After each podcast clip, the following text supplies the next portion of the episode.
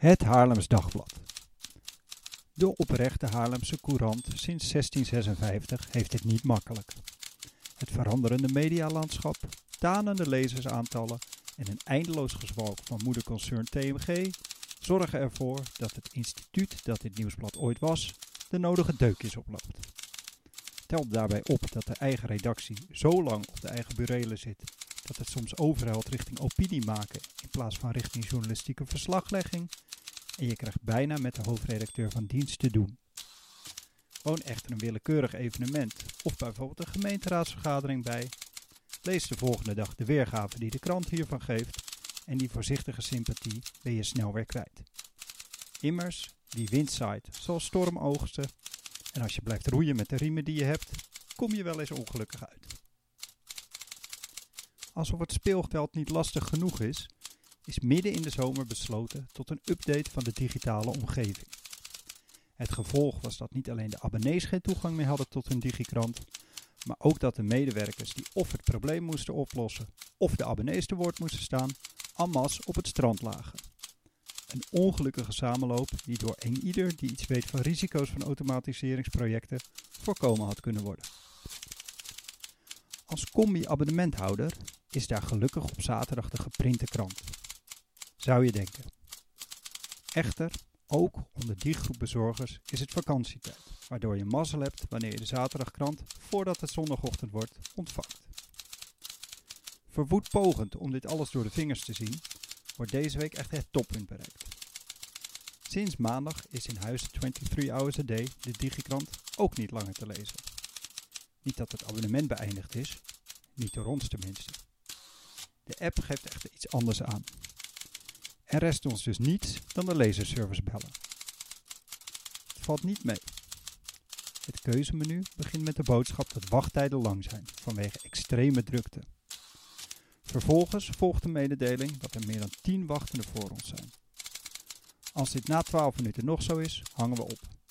We besluiten ons te richten op een klacht per e-mail met het verzoek om ontvangstbevestiging en het oplossen van het probleem. Dinsdagochtend is de krant nog immer niet benaderbaar. Omdat de ervaring leert dat de eerste advies altijd is om de app te verwijderen en opnieuw te installeren, doen we dit preventief. Het mag niet baten. We klippen weer in de telefoon, om na 17 minuten op te geven. We openen de e-mail-app, constateren dat we geen reactie hebben gekregen op de eerdere klacht en dienen een nieuw in, gedateerd op de huidige datum. Het nieuws vernemen we ook deze dag via andere media. Woensdag hebben we nog immer geen toegang. De spreekwoordelijke maat begint vol te raken en we nemen de telefoon opnieuw ter hand. Na een poging om 8 uur, twee wachtenden voor ons, wat na 11 minuten nog zo is. Een poging om 10 voor 10, 14 wachtenden voor ons, we hebben het niet eens geprobeerd. En een verbroken verbinding om half 11, krijgen we om 7 minuten over 11 iemand te spreken. De eerste indruk is dat we de heer in kwestie uit bed bellen. We geven aan meerdere klachten te hebben, als mede geen toegang tot de digikrant. Onze vraag was dit laatste op te lossen en dit eerste middels creditering op de factuur weg te werken. Dit kwam ons op de wedervraag te staan welk e-mailadres we gebruiken om in te loggen. We gaven het adres dat we al acht jaar hanteren op. De medewerker van dienst meldde dit te autoriseren, zodat we konden inloggen. Voordat hij bijna haastig had opgehangen, vroegen wij nog even hoe het zat met de gemiste kranten. Hij gaf aan daar niet over te gaan omdat hij van TMG was en de telefoon alleen maar moest opnemen omdat het zo druk was. Onze vraag was een financiële en één aan het Haarlems Dagblad, dus één voor de afdeling Financiën. Hij verbond ons door. Na een aantal minuten klonk het nogal kribbig ja. Een dame met op het oor weinig plezier in haar werk stond ons te woord. Uitleggende dat wij geen toegang tot de krant hadden, vroeg zij welk e-mailadres we hanteerden om in te loggen.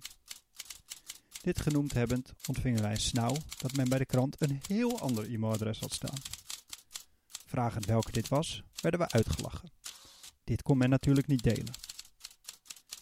Wij gaven aan al jarenlang hetzelfde e-mailadres te gebruiken. Zij gaf aan dat dit dus niet meer kon. Men had een update gedraaid, Het systeem had alle bekende e-mailadressen bijeengeveegd en daar een keuze in gemaakt. De rest was afgevallen.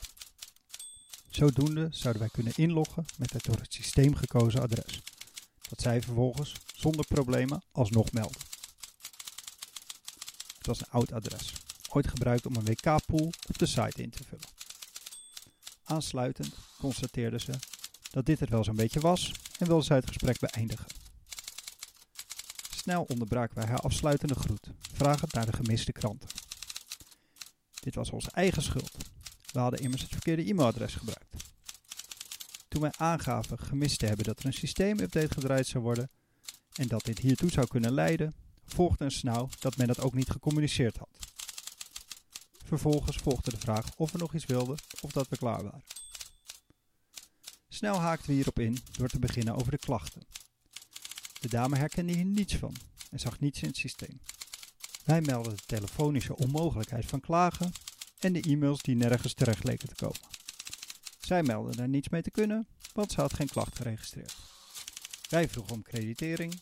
Zij gaf aan dit alleen gedeeltelijk te doen. Wij vroegen waarom gedeeltelijk. We hadden immers helemaal geen kranten gelezen. Zij gaf aan omdat er geen klachten bekend waren. Het gesprek duurde nog even en leek op het verhaal van de kip en het ei.